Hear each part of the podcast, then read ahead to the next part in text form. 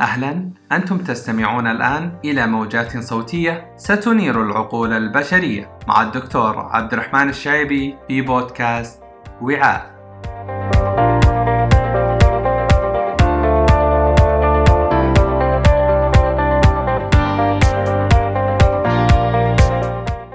أصدقاء بودكاست وعاء أهلا وسهلا. في البداية خلوني بعلق على الحلقة الماضية. أولا أبغى أشكر الجميع بلا استثناء. أشكر ضيوف الحلقة صراحة أمتعونا وأثرونا بكثير من المعلومات. أشكر الأشخاص اللي استمعوا للحلقة وتفاعلوا معها وشاركوها صراحة. تعرفون الشخص لما يكون حاط عنده سقف توقعات وحاط عنده رقم معين متوقع إنه يوصل له أنا بالنسبة لي الرقم هذا تضاعف. فشكرا لكم. وأشكر آه، فريق الإعداد في بودكاست وعاء. الآن نرجع لحلقة اليوم. عشان آه، نسوي تنشيط للذاكرة حلقة اليوم هي عبارة عن تكملة رحلة ما بعد التخرج. وبداية الرحلة تكلمنا فيها بالحلقة السابقة اللي تقدرون ترجعون لها طبعا في حسابنا بتويتر أو بالبحث في أبل بودكاست أو ساوند كلاود مجرد ما تكتب بودكاست وعاء راح تطلع لك الحلقة هناك. وأذكر ضيوفنا من جديد. الدكتور محمد الدوخي اللي راح ينقل لنا تجربته في المملكة العربية السعودية والدكتورة صيبة غزال وتجربتها في الولايات المتحدة الأمريكية والدكتور أيمن مندورة وتجربته في مملكة السويد والقارة العجوز بشكل عام.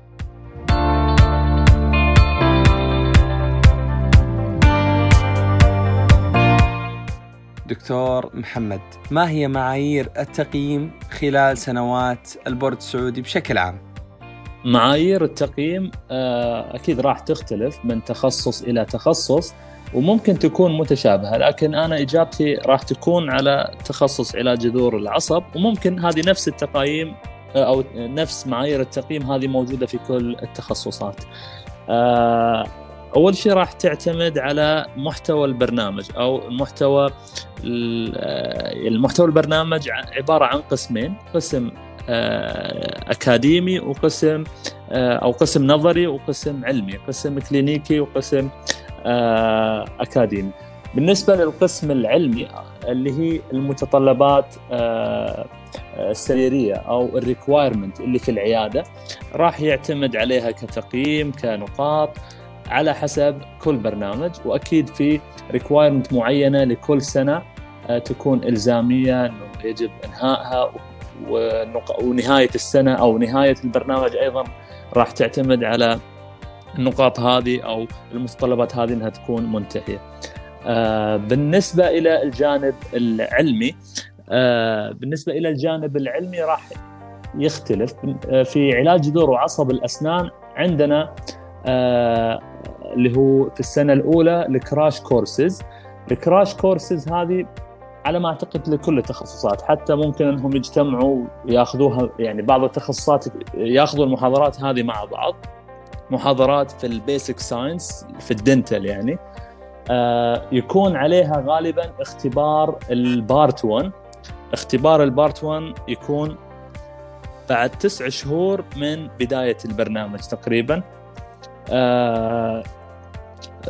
أيضا في اختبار سنوي المسمى بال end year. آه، في السنة الأولى غالبا ما يكون موجود خلاص هو اختبار ال part 1 يشمل الاثنين. في السنة الثانية والثالثة موجود اختبار ال end year. في السنة الأخيرة اختبار ال part 2 آه، اللي يكون اختبار تخصص كامل. بعد النجاح في اختبار ال part 2 يجي اللي هو الاختبار العملي آه، ال OSCE وال OSPE. طبعا في السنوات أيضا موجود في كل سنة موجود اختبارات شهرية أو اللي هي ال quizzes. آه، في السنة الأولى والثانية ممكن تعتمد على ال book review. آه، وفي السنة الرابعة أو الثالثة والرابعة ممكن تعتمد على ال literature review. طرق التعليم أو طرق يعني الدراسة ممكن تعتمد على المحاضرات مثل ما قلنا تعتمد على ال literature review سواء current أو كلاسيك تعتمد على ال book review تعتمد على ال case presentation اللي أيضا عليها تقييم سنوي. آه ال case presentation يمكن ما يكون مرة في السنة يتكرر أكثر من مرة. آه مثل ما قلت كل برنامج له يعني طريقة آه، طرق مختلفة لكن بشكل عام تدور في حول الأشياء هذه المتطلبات هذه أو معايير التقييم هذه حتى لو في بعضها أشياء أكثر أشياء أقل لكن تقريبا آه، كلها قريبة من هذه النقطة. دكتور أيمن باختصار ما هي معايير التقييم الأساسية في برامج الدراسات العليا في مملكة السويد؟ آه، بخصوص معايير التقييم في برامج آه، أوروبا. طبعا لكل برنامج له معايير يعني مختلفة عن البرنامج الآخر. لكن بشكل عام آه، البرامج هناك تتقيم عن طريق آه، أول شيء آه، مهارة التواصل تطورها أثناء دراستك مع المرضى مع زملائك مع مشرفينك. وأيضا متابعة الحالات السريرية بشكل دوري أول بأول مع الطبيب المتدرب واختبارات بشكل دوري يتم يعني عقدها فيها يعني آه، بعض البرامج تكون شهريا وبعضها تكون آه، في نهاية كل سمستر وبعضها بتكون نهاية كل سنة. تختلف من برنامج لبرنامج آه، وبشكل عام يهمهم دائما الأداء والجودة ويكون في نتائج جيدة لعلاجك في متابعات العلاج. ماذا عن معايير التقييم في الولايات المتحدة الأمريكية دكتور رصيبة؟ هذا السؤال طبعا مرة مهم وقليل من اللي يتكلم عن هذا الموضوع. بالنسبة للدراسة في أمريكا أنت آه، حتكون آه، التقييم خلينا ناخذ مثال برنامج ال perio اللي أنا رحت عليه. آه، في خلال هذا البرنامج كنا نقي يتم التقييم عملي على كل ال procedures اللي في ال perio مثلا إحنا نسوي زراعة يكون في سنويا اختبار على الزراعة. آه، إحنا نسوي sinus lifting نفس الشيء. كل ال الاشياء الأساسية اللي نسويها يصير عليها تقييم عملي سنوي. بنفس الوقت يسووا آه، امتحان آه، من ثلاث إلى أربع مرات خلال فترة ال residency. الامتحان غرضه الغرض منه ال evaluation يكون oral exam وبنفس الوقت هو يدربك على ال board. تمام؟ آه بعدين آه ثلاث مرات في, الس... في الثلاث سنين آه ناخذ امتحان نفس امتحان ال board بالضبط آه غير امتحان ال oral exams. وهذا كمان الغرض منه آه إنهم يقيموك و آه بنفس الوقت كمان تدريب إضافي لل board. آه يتم تقييمك بشكل يعني مر من مرتين لثلاث مرات في السنة على كل الأشياء الباقية.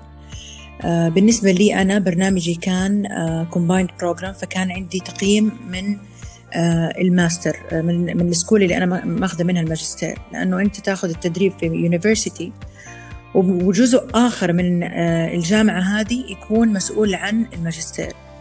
فالماجستير تدريبه جدا مختلف. هو عبارة عن دورات مختلفة مواد مختلفة درجات GPA آه، مو تدريب عملي ابدا. آه، كل مادة تدرسها تمتحن فيها بنهاية السنة يكون فيها كويزات و midterm و final آه، بعد ما تخلص فترة ال didactics اللي هي أول سنة هذه بعدين تبدأ بتحضير رسالة الماجستير. التقييم لرسالة الماجستير يكون عن طريق ال thesis defense تحضر رسالة الماجستير وتناقشها. ويتم اعتمادها من ال graduate school فحتلاقي نفسك كذا بوسط ال residency عندك تقريبا آه، التقييم يتم بشكل شهري من جهة الماجستير أو من جهة آه، التدريب العملي أو ال residency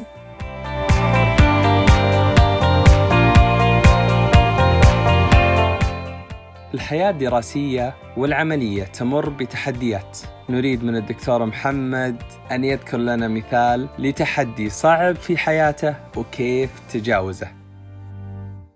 آه هو ممكن طبعا الأشياء هذه راح تختلف من شخص إلى شخص التحديات تختلف من شخص إلى شخص. آه، دكتور عبد الرحمن أنا يعني تزوجت وأنا طالب في الكلية. فإنك تكون يكون عندك بيت وأطفال و في نفس الوقت يعني تبغى تدرس دراسة آه، الضغط اللي فيها أكيد راح يكون يعني لا يقارن بالضغط في البكالوريوس تحتاج كل وقتك. ما تحتاج جزء من وقتك تحتاج كل وقتك. تحتاج إنك تتخلى عن حياتك الاجتماعية تحتاج إنك تتخلى عن هواياتك مؤقتا.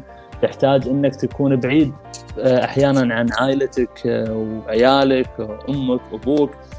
فالأشياء هذه يعني خصوصا إذا كان الشخص هذه مو طبيعته. هو شخص مثلا اجتماعي هو شخص عنده حياة آه لازم يكون متواجد فيها ويعني محيطها. فالابتعاد عن هذا العالم يكون جدا صعب. لكن إذا حط في نفسه وحط آه في باله إنه هذه كلها فترة مؤقتة. هي أربع سنوات. أربع سنوات يعني أتعب فيها. أربع سنوات أكون بعيد فيها عن كل شيء أنا أحبه مثلا لكن بعدها أكون حققت يعني آه، حققت حلمي وصلت للشيء اللي أبغاه أخذت آه، شهادة تعتبر من أكبر الشهادات. إذا حط الشيء هذا دائما قدام عينه إنه والله معليش يصبر نفسه الأشياء هذه ما راح تطير. يحتاج طبعا الدعم الواحد من زوجته من أمه من أبوه. انهم يصبرون هم لأن يعني هم يصبرون معه.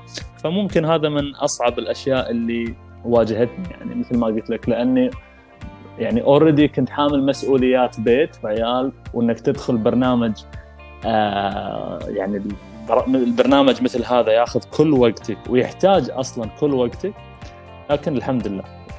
يعني بعد ما انتهت هذه الأربع سنوات مو بس أنا رجعت لحياتي الاجتماعية وحياتي العائلية أيضا رجعت حتى لحياتي آه، يعني رجعت آه، أحقق الأشياء الأخرى اللي أبغى اللي أحبها وأبغاها وهواياتي ومن ممكن من أول شهر بعد التخرج آه، من أول شهر بعد التخرج كانت يعني إنه الآن الآن أتفرغ لنفسي. أنا درست 12 سنة يعني بين ابتدائي ومتوسط وثانوي بعدها سبع سنوات في الجامعة بعدها توظفت يعني كم شهر ودخلت البرنامج. فما كان لي فرصة إني أرتاح الآن أرتحت. الآن بعد نهاية البورد واخذت كل شيء ابغاه من يعني الجوانب آه، اللي ممكن تطورني مهنيا. الآن آه، أرتاح وأعيش الحياة اللي ما بعد التعب. ف يعني بالعكس الحمد لله يعني. ننتقل لك دكتور أيمن ما هو التحدي الصعب الذي واجهته؟ حقيقة ما كان في عندي موقف معين يعني خلاني أوصل لمرحلة إني أنا أوقف الدراسة. آه لكن بشكل عام ال homesickness يعني الواحد لما يكون آه أنا إلى حد ما socially آه interested يعني أنا من الناس اللي هو socially يمكن آه، دائما متواصل مع الكل في ال social media متواصل مع العالم كله وأحب قد ما أقدر أتواصل مع الكل وأفيد الجميع. آه، وهذا طبع من زمان. لما تكون أنت في متغرب في مكان بعيد آه، فهذا يؤثر. الشيء الثاني على أيامنا ما كان في يعني زي الآن تويتر وإنستغرام وفيس تايم يعني كان وقتها الماسنجر أتوقع. فكان التواصل المرئي والمسموع جدا آه، قد يكون معدوم يعني. وحتى يعني آه، نتواصل مع أهالينا بالتليفون. وأحيانا بالبطاقة وأحيانا فكان إلى حد ما في صعوبة في الحياة في غربة حقيقية. الآن أنا أشوف الوضع اختلف كثير. الآن ممكن أنت الآن تكلم آه، زميلك في أمريكا ولا في شمال ولا في أقصى بلد في أقصى شمال القطب الشمالي ولا في أي مكان في خلال ثواني وتشوفوا آه، وتكلموا وتشوف يعني اقاربك وتشوف كل شيء. يعني كأنه معاك ما عاد في الهوم سكنت ما عاد في الغربة اللي هي تخليك تحس بال تحس بالكآبة أو تحس ب آه، التعب أو الطفش. بالإضافة لحسب الدولة اللي أنت كنت فيها يعني أنا كنت في السويد في السويد من الدول اللي كانت في في الشتاء جدا باردة والليل جدا طويل. آه، فممكن لحد ما إذا أنت ما كان عندك آه، قدرة إنك تتحمل آه، الليل الطويل تتحمل البرد الشديد الهدوء الكامل. ممكن يجيك يجيك نوع من الملل وممكن يأثر على نفسيتك. فهذه الدول يعني بشكل عام الدول الإسكندنافية ميزتها إن هي معظم السنة باردة وثلاثة أربع شهور تقريبا ثلج كامل تقريبا كأنك في فريزر كبير. وبالإضافة إلى إنه الليل طويل آه، والنهار قصير. فاحنا مولفين في بلدنا عندنا ما شاء الله الشمس يمكن كل الشهور موجودة والجو جدا آه، ما عندنا يعني actual الشتاء حقنا يمكن 20 أو 30 يوم maximum وحتى الشتاء يعتبر صيف في أوروبا يعني فهذا من الأشياء اللي تأثر على تأثر على النفسية بشكل عام إذا ما كنت أنت عندك القدرة تتحمل هذه الظروف ممكن تأثر على تأثر على آه فكرك وتأثر على الدراسة حقتك بشكل آه، دقيق ومباشر. دكتورة صبا أنت طبيبة سعودية أكملتي دراستك في الخارج.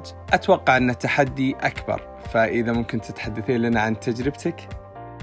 بالنسبة لي آه، التحديات اللي واجهتني آه، صراحة كان أكبر تحدي لي أنه أنا كنت أول أول طبيبة مبتعثة في العائلة. آه، أنا لما دخلت طب الأسنان كان والدي ضد إني أدخل طب بشري. يعني أنا آه، من عائلة طبية أنا أكبر بنت في العائلة آه، خلاص من أول ما بدأت أشوف إيش التخصصات اللي موجودة في الحياة وأنا متعودة على والدي طبيب.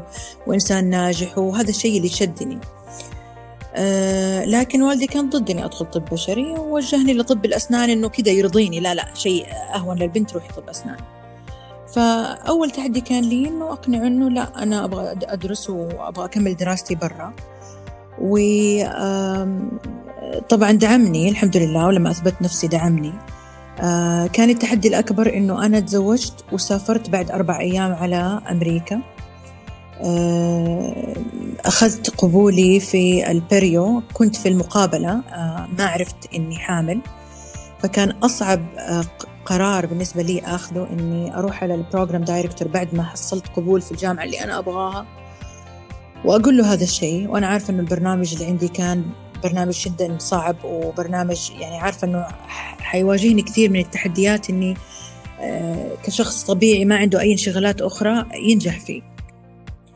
فصراحة أتذكر هذه الفترة اللي ما بعد المقابلة آه، وإني أبلغ ال program director إني حامل وإني أنا ولدت. في أول يوم في ال residency. أول يوم لي في ال residency آه، جبت ابني يوسف.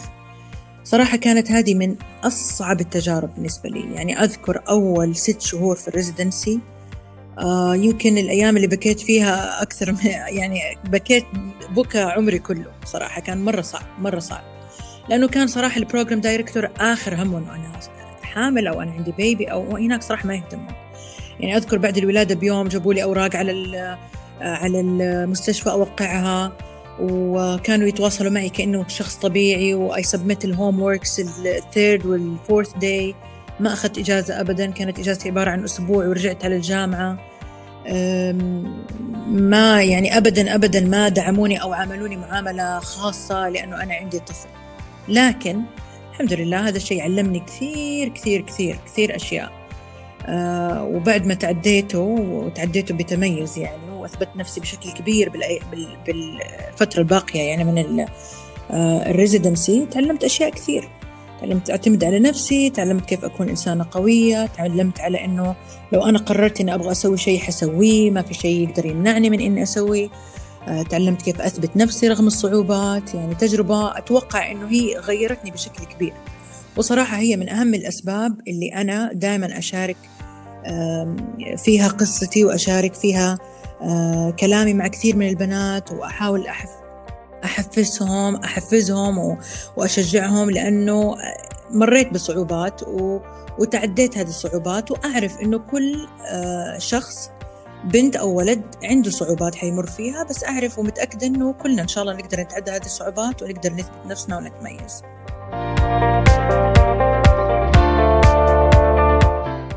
الآن آه، ننتقل للمحور الأخير المحور اللي أتمنى ما يكون فيه مجاملات إذا حبينا نقارن وبصراحة مع خالص الاحترام لمن أكملوا دراستهم سواء خارج المملكة أو داخلها هل هناك فعلا فارق ملحوظ في المخرجات بينهم؟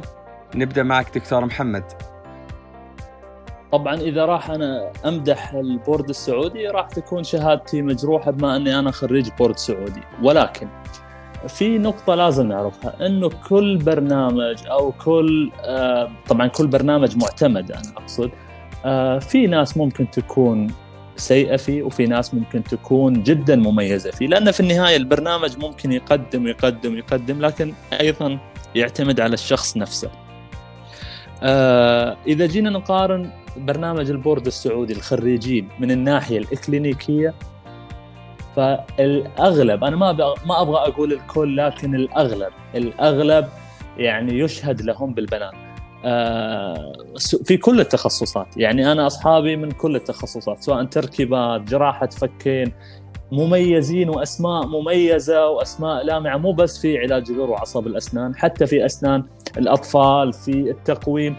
أسماء مميزة سواء في العيادات الخاصة في آه، المستشفيات الحكومية آه، في تقديمهم للمحاضرات آه، حتى إدارتهم صارت للبرامج التدريسية والبرامج العلمية فهذا هذا أحد الأشياء اللي تشهد.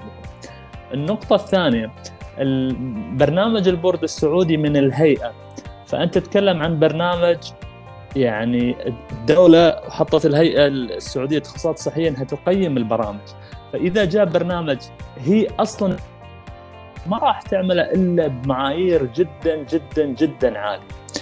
آه فلله الحمد يعني برامج ال board السعودي حتى خارج البلد internationally معتمدة في كثير من الدول بل حتى إن في دول الخليج مثلا آه، صار ال board السعودي ممكن يعني مراكز تدريب في دول الخليج بشهادة البورد السعودي. يعني يتدربون مثلا في الدولة الخليجية المعينة ويطلع بشهادة بورد سعودي. ما أتكلم عن طب الأسنان ممكن في الطب البشري.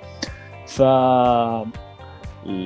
يعني هذا بالنسبة إلى الخريجين. إذا جينا بنقارن خريج أمريكا خريج أوروبا خريج البورد السعودي كلهم في في الشغل في الوظيفه يعني الشغل ال clinical ال academic كلهم جيدين. لكن أكيد هناك تفاوت ما يعتمد على البرنامج يعتمد على الشخص نفسه. يعني ممكن تلقى واحد جدا عالي آه، في البورد السعودي وواحد العكس من البورد الأمريكي أو التخصصات آه، في الجامعات الأمريكية. ما مو معناته إن هذا أفضل وهذا أقل لا يعتمد على الشخص نفسه. آه، أيضا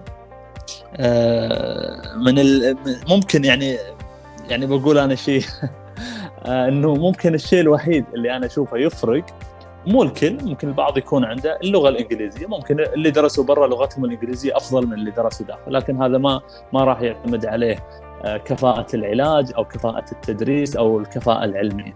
اللغة الإنجليزية في النهاية هي أثناء تقديم مثلا محاضرات ممكن تلقى الأكسنت اللي دارس في أمريكا أفضل يعني 100 مرة من accident وهذه يعني ما لها علاقة بالبرنامج ولا لها علاقة بالمحصلة العلمية. دكتورة طيبة وجهة نظرك بدون مجاملات. طيب شوف الحين لو أنا حتكلم عن آه، تجربة الدراسة أنا حتكلم من ناحية البورد آه، أكيد أنا حتكلم عن تجربتي في أمريكا. أنا ما درست هنا فما أقدر أحكم بشكل كبير أو ما my point of view as a, as a resident or as a student. لكن أنا الحين أشارك في الإشراف على التدريب العملي لطلاب ماجستير وبورد فعندي فكرة مبسطة عن طبيعة البرامج هنا. بغض النظر عن تفاصيل البرنامج في بالابتعاث شيء مو موجود هنا. هي هو تجربة. يعني فيها تتعلم فيها أشياء كثير. مو بس شغل ودراسة ونفس الوضع اللي ما تغير عليك من أيام الجامعة. يعني أنا دائما أختار الدراسة برا لأنه أنا يعني يعني تعلمت أشياء كثير واكتسبت آه، أشياء كثير في الدراسة بالخارج. ما أحس إنه أنا لو درست هنا حكتسبها أو ما أحس إنها كانت ممكن تتغير فيني لو أنا آه، درست في البورد السعودي. بالنسبة لتفاصيل البرنامج الحين تفاصيل البرنامج أحس إنها مختلفة بشكل كبير. يعني ممكن الأشياء اللي كنا لازم نسويها أو ال structure أو how to be evaluated أو كم يعني الخطوات أو ال steps اللي إحنا لازم نتبعها عشان ننجح في البورد الأمريكي أحسها أوضح بكثير من البورد السعودي. وقد يعني أنا ما أبغى أي أحد يزعل مني بس قد أكون غلطانة. أنا ماني عارفة ماني عارفة تفاصيل التفاصيل لكن هذا هذا من النظرة العامة والمبسطة اللي أنا شايفاها. الميزة بإنك تدرس هنا عن إنك تدرس في أمريكا. إنه لما أنا درست في أمريكا كانوا يحضرونا للعمل في القطاع الخاص بشكل كبير. يعني كنا بشكل أسبوعي ناخذ class اسمه practice management وهذا يعني تتخرج من ال school وانت بتحضر انك تاخذ البورد وجاهز انك تفتح عيادتك. يعني المستقبل الناس في أمريكا في القطاع الخاص اللي يدربوا في البورد الأمريكي أحسه أفضل بكثير من لو قارنا بأي برنامج لوكال يعني ما أحس إنه اللي هنا البرامج تدرب الطلاب على إنهم يعملوا في القطاع الخاص. لأنه طبعا طبيعة العمل تختلف وهنا كثير من الناس يسعوا إنهم يشتغلوا في قطاع الحكومة.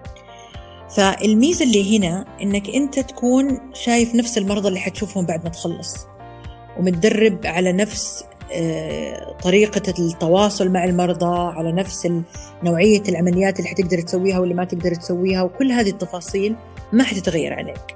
لكن في أمريكا بعد ما تتدرب على كل الأشياء اللي اللي أنت تحس إنه أنت لما تطبقها حيكون عندك أحسن براكتس في العالم ممكن كل هذه الأشياء ترجع هنا ما تقدر تطبقها بالشكل اللي أنت كنت اللي أنت كنت تطبقها في في أمريكا. تمام؟ وأنا I'm not saying إنه I'm not يعني happy ولا I'm not proud of all of the things that I learned. لا بالعكس أنا تعلمت أشياء كثير كثير كثير مبسوطة منها. وأتوقع إنه كثير من الناس اللي درسوا هنا ما تعلموها. لكن لا يعني ما حقول لك إنه أنا طبقت كثير منها أو استخدمت كثير من هذه الأشياء. نتكلم من ناحية العمل في القطاع الخاص. تمام؟ الشيء الثاني ال connection طبعا إحنا نعرف إنه أنت ال connection مفيدة كثير. لما أنت تختفي في أمريكا لعدة سنوات تمام؟ وترجع تكون كأنك شخص جديد على الساحة. يعني ما في أحد يعرفك كثير اسمك مو معروف آه، تبدأ من جديد كل شيء. أما لما أنت تكون في البورد تتدرب مع أطباء ال perio اللي موجودين سواء في القطاع الحكومي أو الخاص. ففرص العمل و... وال... وإنك تثبت نفسك يتم بطريقة أسرع من شخص جاي من أمريكا ما أحد يعرف عنه ولا شيء.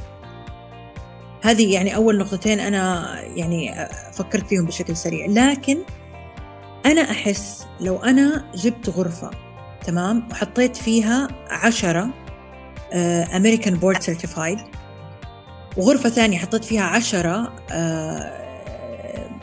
ماخذين البورد السعودي المستوى والمعلوم من ناحية المعلومات أو من ناحية التدريب العملي أو أو أو اللي حلاقيه لما أقارنه بين الأطباء اللي متخرجين من أمريكا حيكون أقرب بكثير من لو قارنت نفس الشيء بين الأطباء اللي متخرجين من البورد السعودي. again this is only ملاحظاتي تمام؟ I'm being very honest عليها. آه في ناس تشتغل هنا في البورد السعودي وتثبت نفسها بشكل يعني عظيم يعني تشتغل على نفسها بشكل كبير. لكن أحس لو أنت ما اشتغلت على نفسك بشكل كبير الطريق مو مرة واضح واضح أو ما يجبرك إنك تشتغل على نفسك. في أمريكا ما في خيار إنك تشتغل على نفسك أو ما تشتغل على نفسك. لا في واحد اثنين ثلاثة أربعة خمسة ستة مليون شيء لازم تسويه. لو ما سويته ما حتقدر تاخذ البورد الأمريكي. و يعني ممكن أنا أكون في كثير أشياء غلطانة أو ماني عارفة. أنا خبرتي في المجال في بعد رجعتي من أمريكا بسيطة هي سنتين أو ثلاثة. فاذا أنت تحب إنك تعرف أكثر عن البورد السعودي ممكن تسأل ناس تخرجوا من هنا. مع احترامي لجميع الناس اللي تخرجوا من هنا ما أتوقع إنه في شيء أفضل من شيء ابدا. لكن أنا بس يعني نقلت لك ملاحظات ألاحظها. تفضل دكتور أيمن وأتمنى تكون صريح معنا. حقيقة البورد السعودي أنا موجود فيه من بداياته. يعني من ما بدأ في في في, في المملكة البورد السعودي في ال endo أنا موجود كمشي البرنامج فتابعت الكوريكم اللي حنحط وطريقة وضعه وشاركت في وضع معظم آه، المواضيع الموجودة فيه كأفكار أو كمواضيع أو كطريقة تقييم أو طريقة عمل. البرد السعودي عبارة عن خليط عبارة عن خليط حرصنا إنه يكون خليط من كل البرامج في العالم، أخذنا أفضل ما يكون من كل برنامج في العالم وحطيناه وحطيناه عندنا في السعودية، أخذنا من أمريكا، أخذنا من أوروبا، أخذنا من كل البرامج الناجحة في في العالم ووضعناها. آه هذه من ناحية البرنامج. من ناحية أيضا آه ال ال آه عدد الحالات. إحنا كثير هنا في آه السعودية آه حالات بتكون متنوعة بحكم إن إحنا عندنا population أكبر وعندنا نسبة ال caries أكبر بشكل كبير والتسوس عندها للأسف بشكل كبير. فهذا يخليك تشوف حالات أكثر للأسف الشديد وتنوع أكثر في الحالات. بس هذا لا يعني أن البرامج الأوروبية ما فيها حالات ولكن كنسبة وتناسب الحالات بتكون هنا أكثر بحكم أنه في عندنا يعني نسبة تسوس عالية ومشاكل عصب بتكون أكثر من باقي الدول في العالم.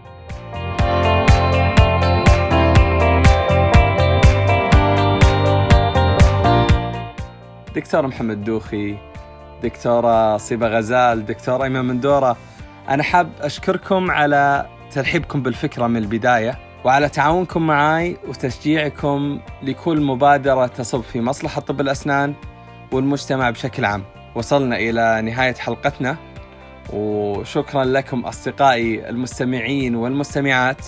أتمنى منكم بعد ما تسمعون للجزء الثاني أنكم تشاركونا بآرائكم وتشاركون الحلقة لأصدقائكم. وإلى اللقاء في حلقة قادمة. من بودكاست وعاء